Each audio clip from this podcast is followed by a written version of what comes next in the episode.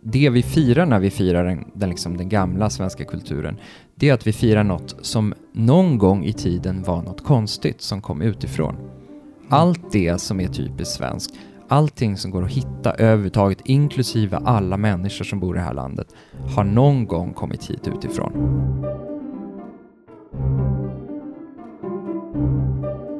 I det här avsnittet av Forskarpodden sätter vi släktträdet i fokus och då inte en särskild familjs utan idén om släktträdet. För idéhistorikern Petter Hellström menar att metaforer som släktträdet inte bara hjälper oss att uttrycka vår omvärld utan också att upptäcka nya saker i den. Dessutom om kåldolmens dag och hur den kanske kan omforma en ikoniserad svensk.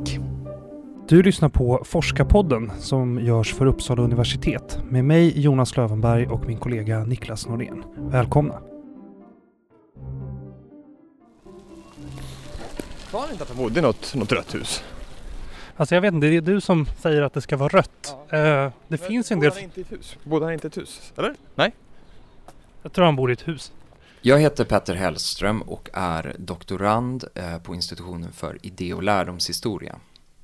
Mitt avhandlingsprojekt handlar om um, introduktionen och bruket av trädmetaforer och trädmodeller i vetenskaplig kunskapsproduktion under slutet av 1700-talet och början av 1800-talet. Ja, då står vi nu här utanför ja. Petters hus. Det gick. Utmärkt. Åker du med? Ja, jag åker med. Det här är ju metaforer och modeller som handlar om varifrån vi kommer.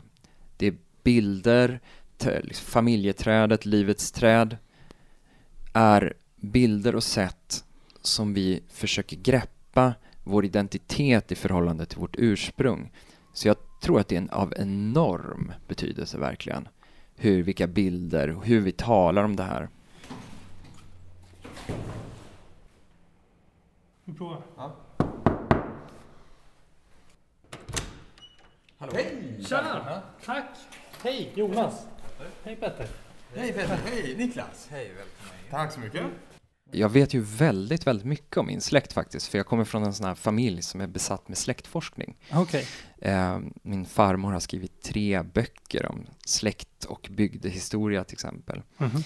Men eh, ett bättre svar är väl att jag är född på SÖS, eh, mm. Södersjukhuset i Stockholm, och uppvuxen i förorten Kärrtorp som ligger i söderort. Det blev eh, historia som ämne för dig. Vad beror det på? Historia har varit mitt absolut största intresse sen, sen jag minns att jag visste vad något förflutna var. Alltså jag, det var det enda jag läste. Redan när jag var barn. Det var det enda jag var intresserad av på dagis. Alltså jag, eh, jag levde väldigt mycket i fantasivärlden och väldigt mycket i det förflutna och olika låtsasvärldar när jag var liten.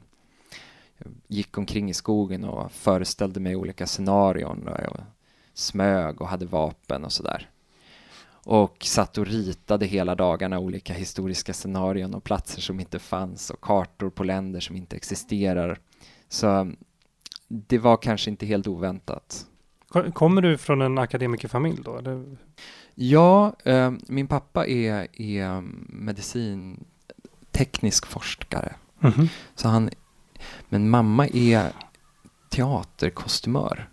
Okej. Okay. Det kanske är för fantasin då? Ja, det kanske är för fantasin. Mm.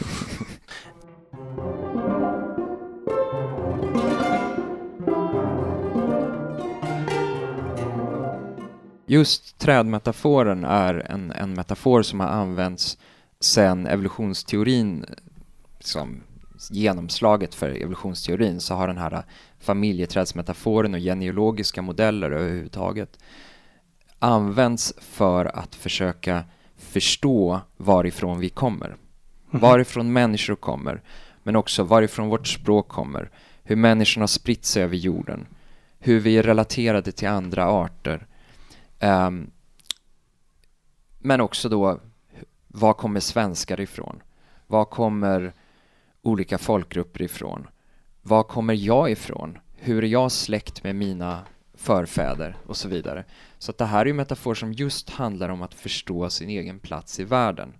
Du undersöker nu en, en metafor för lärande som, som är ett träd.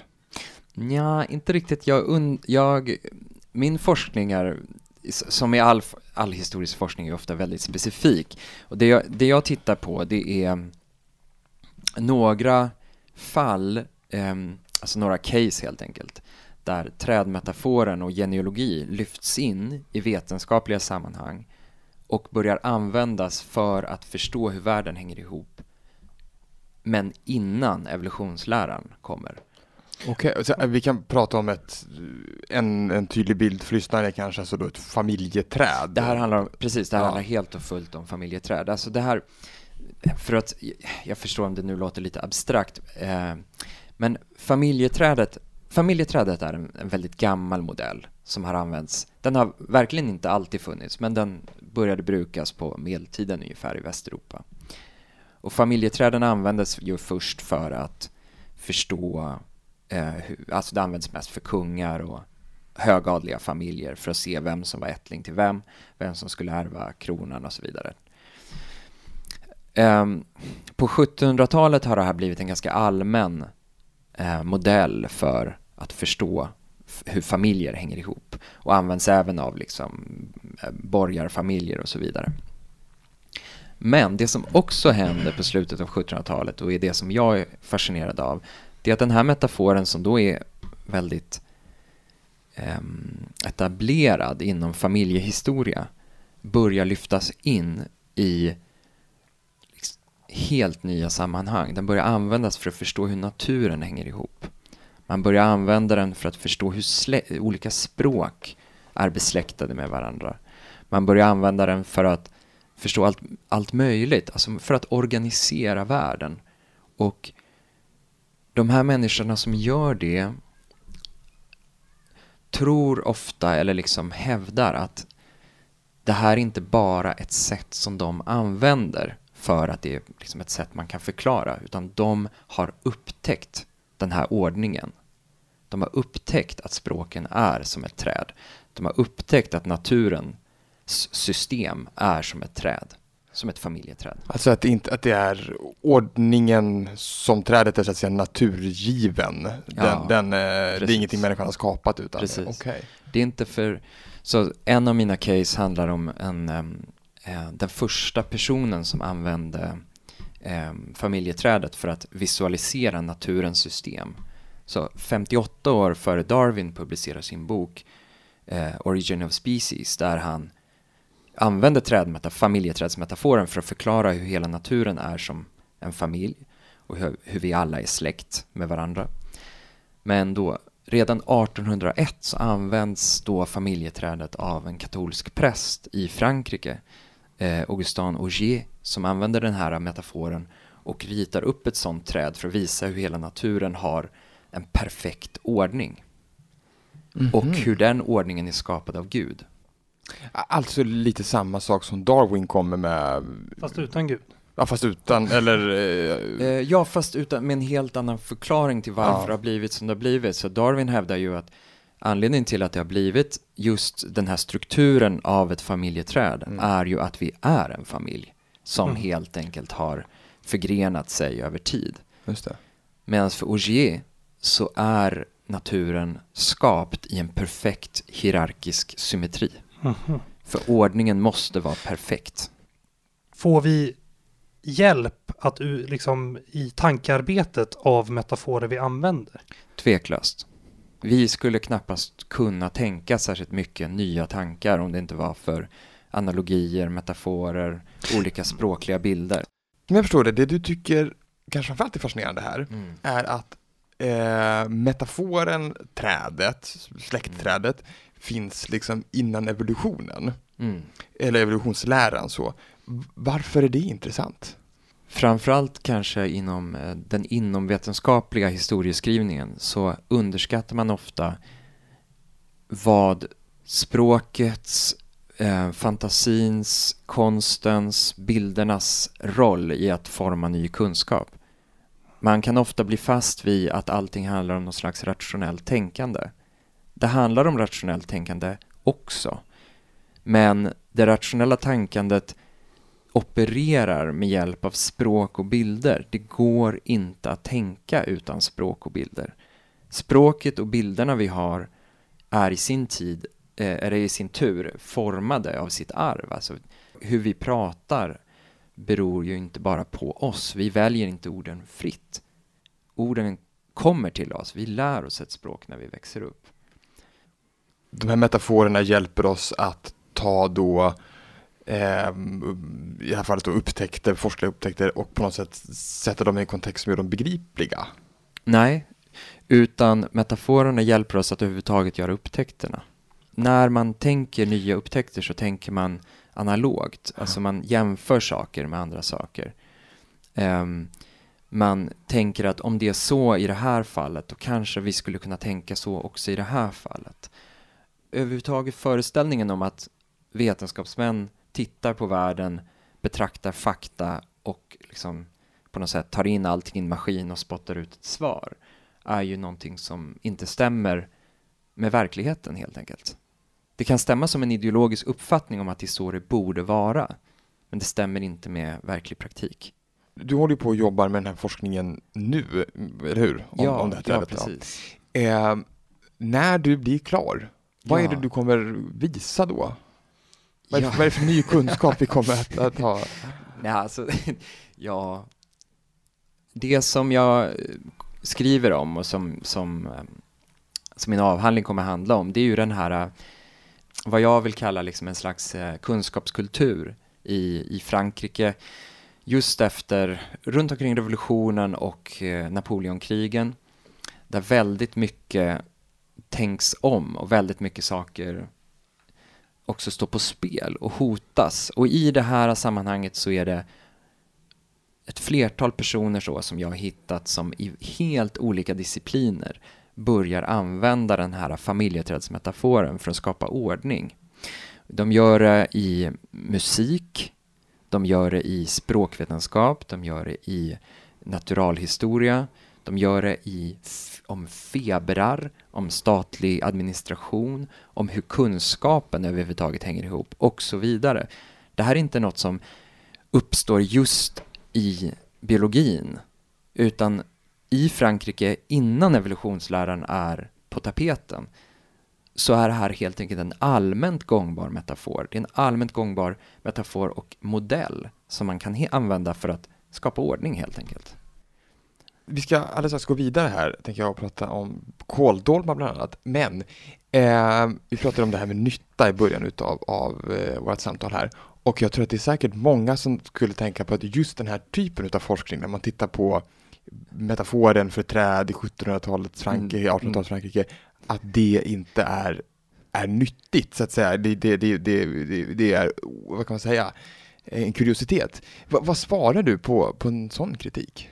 Det spelar roll vad vi har för metaforer och om vi ska förstå vilka styrkor och svagheter de har, vad det finns för problem med trädet och vad det finns för fördelar med trädet, då behöver vi förstå var den kommer ifrån, alltså vad, den, vad som har format den, hur den är laddad av olika, hur det finns de här olika värden faktiskt som är inbyggda i, i, här, i den här bilden.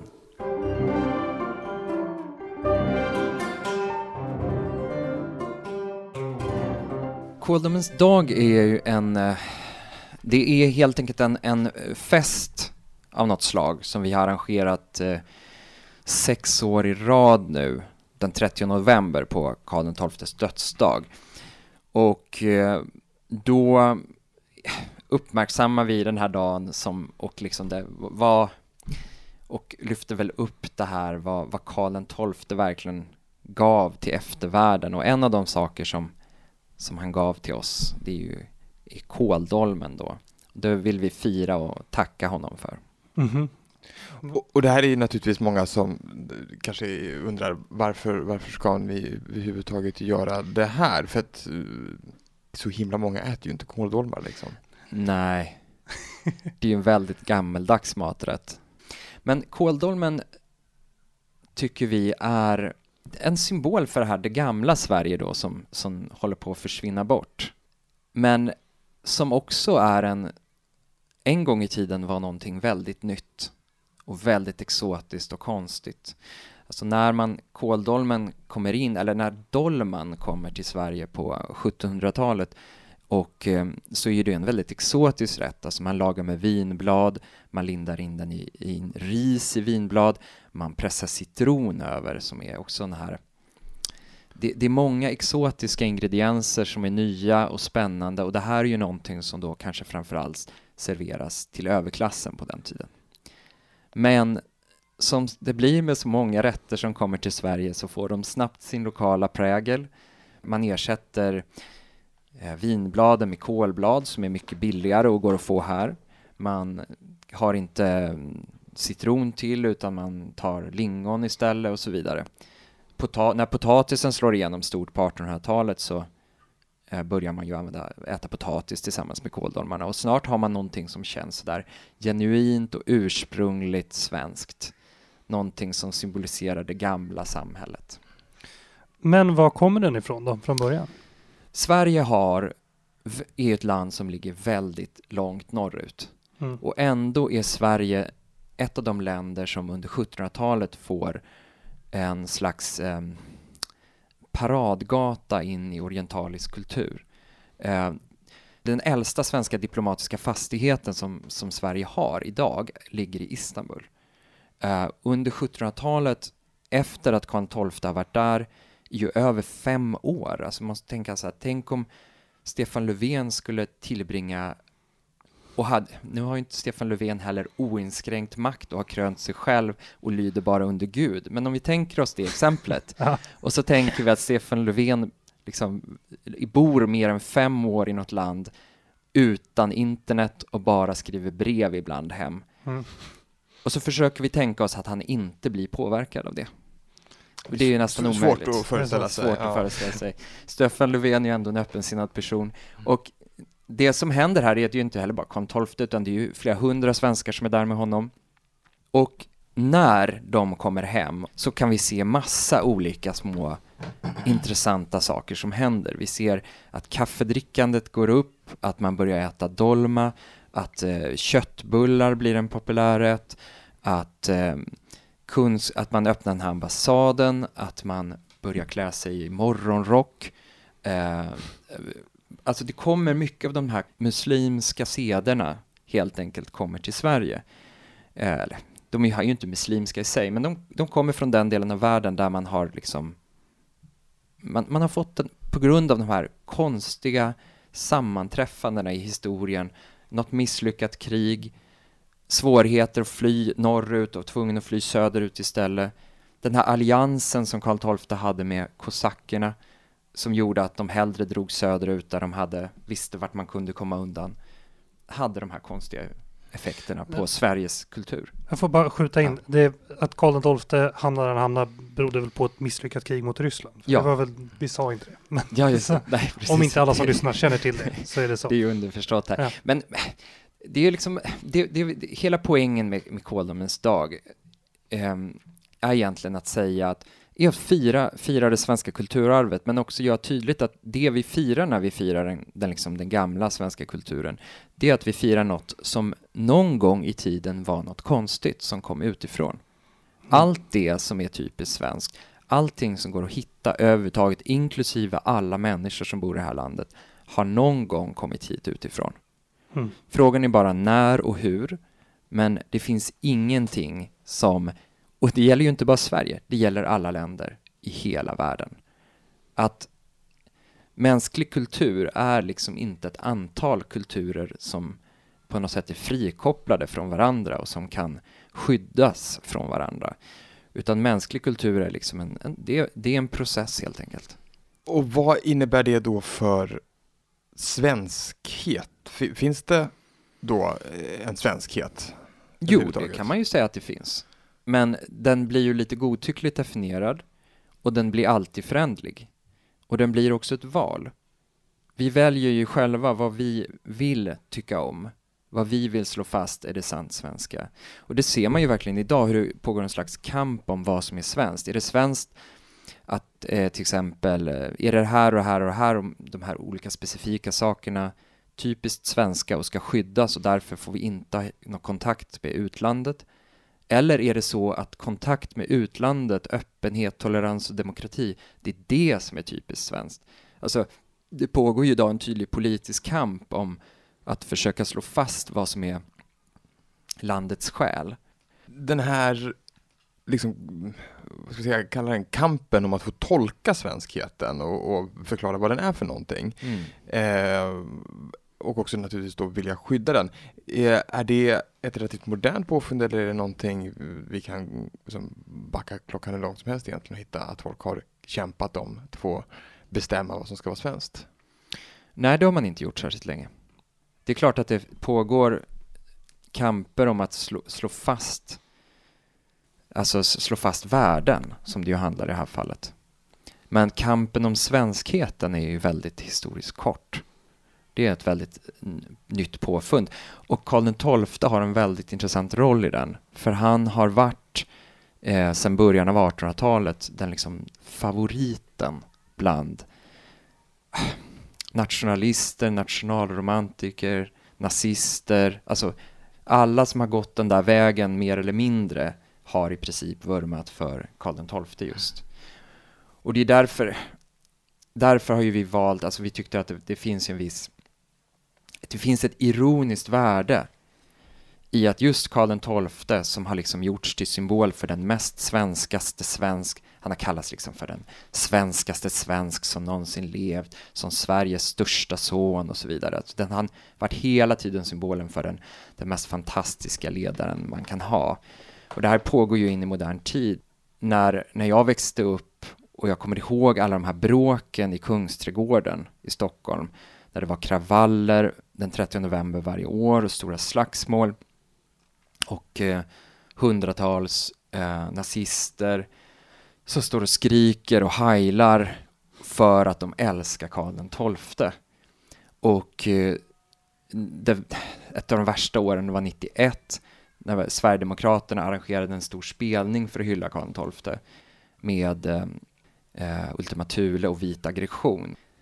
Och så står liksom Sverigedemokraternas partiledare på scenen och pratar om att man måste bekämpa judarna som styr landet och att Karl XII ska leda oss i kampen. Och man undrar liksom vad som händer. Vad är det som händer med den här äh, Karl XII? Hur blev han en symbol för kampen mot judarnas makt? När han på sin egen tid um, lever i en tid innan nationalismen ens liksom är på. Alltså det, det, finns helt enkelt inte i hans tankesätt. Han, han, tänkte inte på sig själv som svensk då eller? Han tänkte knappt på sig själv som svensk. Han var kung, han var utvald av Gud, han var djupt religiös, han såg sig själv som någon slags reinkarnation av eh, Alexander den store, som var hans absolut största idol. Eh, hans familj kom ju huvudsakligen från Tyskland, men det är Karl XII som är symbolen för det svenska. Såklart, det spelade ju ingen roll var han kom ifrån. Zlatan kommer ju gå till historien som den största svensken i vår tid. Mm. Det spelar väl ingen roll att hans föräldrar var flyktingar han var ju bäst på fotboll. Mm. Han gjorde ju så att vi vann. Och det är det som, med Karl XII var ju det viktiga med honom var ju att han var kung. Och att han var modig i strid och att, han, att det viktiga var ju inte vart hans familj kom ifrån. Men, men så det här handlar då, jag tänker om han själv inte betraktades sig som någon slags svensk Nej, det var liksom inte liksom. så man tänkte. Nej, och in, ingen Nej. tänkte så. Nej. Så då, eh, då skulle det handla naturligtvis allt det här bara om hur, hur han väljs att tolkas. Vi hade väl lika gärna kunnat då se honom som en stor eh, importör av eh, så här, matkungen liksom, som mm. tog med eh, nya smaker till Sverige. Mm. Och att, att eh, om han har formats på det här sättet som en slags nazistförebild så skulle man kunna då omforma honom då igen på något ja, annat sätt. Ja, precis. Och det, det som, alltså, eller vi, vi, har lyft upp saker vi helt enkelt tycker fattas. Vi tycker det fattas att säga att han är ändå den första svenska ledare som var allierad med ett muslimskt land. Han var den första svenska kung som tillät eh, judar att hålla gudstjänst i Sverige. Passar det in i bilden? Det finns så mycket saker med honom som inte passar in. Det här i den story som vi hela tiden matats med i, egentligen i 200 år nu.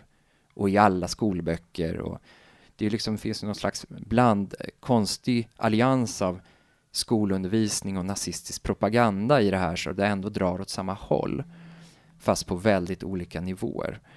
Och eh, det betyder ju inte att Karl XII var någon hippie som hängde ner i Turkiet och eh, eh, åt falafel. Nej. Men det betyder ju ändå att någonting är fel i hur vi har tänkt honom. Det betyder ändå att vår, liksom, vår historisk, vårt, vårt kulturarv, vår historia och det här landets historia i, har kapats till stor del. Och det har varit används för politiska syften under väldigt lång tid. Det finns väldigt mycket fortfarande idag, väldigt många personer som vill använda historien politiskt. Är nationalisten förklar, är nationalism en förklaringsmodell som folk behöver? Nej, de behöver den inte. Men man kan ha den. Den har ju ett syfte och den gör ju någonting. Och någon förklaringsmodell behöver man ju. Mm. Och jag tror att det är lite så här, för att knyta tillbaks till diskussionen om trädet och sånt innan, så det går liksom inte riktigt att leva utan några metaforer eller modeller. Så det spelar roll vilka vi väljer. Mm. Det är inte nödvändigtvis så att den ena är sann eller falskt, utan det är olika perspektiv som får olika konsekvenser. Vilket är nästa steg inom ditt forskningsområde för, för dig? Vad är nästa grej som du ska ta dig an?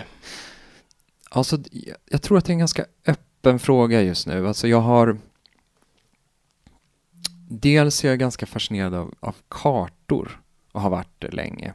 Och det anknyter ju till hur vi visualiserar och förstår eh, världen genom bilder och modeller. För kartor representerar ju inte heller riktigt verkligheten utan är ju ett symbolspråk. Eh, så det är möjligt att jag kommer gå ditåt. Men med det Petter, tack så hemskt mycket för att vi fick komma hem till dig. Tack själva. Det var jättetrevligt. Ja, tack Petter. Ja. Du har hört Forskarpodden med och om idéhistorikern och kåldolmevurmaren Petter Hellström som forskar vid Uppsala universitet. Hör gärna av dig till oss och berätta vad du tyckte om programmet. Antingen på mejl, eh, och då mejlar du på forskarpodden gmail.com eller via sociala medier och använd då hashtag forskarpodden. I nästa avsnitt, som kommer om två veckor, den 27 april, ska vi träffa religionsvetaren Mattias Gardell. Han är expert på vitmaktrörelser och är aktuell med boken Raskrigaren om serieskytten Peter Mangs. Lyssna då! Du har hört Forskarpodden, en produktion av Piggelkott Media för Uppsala universitet med musik av Marcus Sjöblom.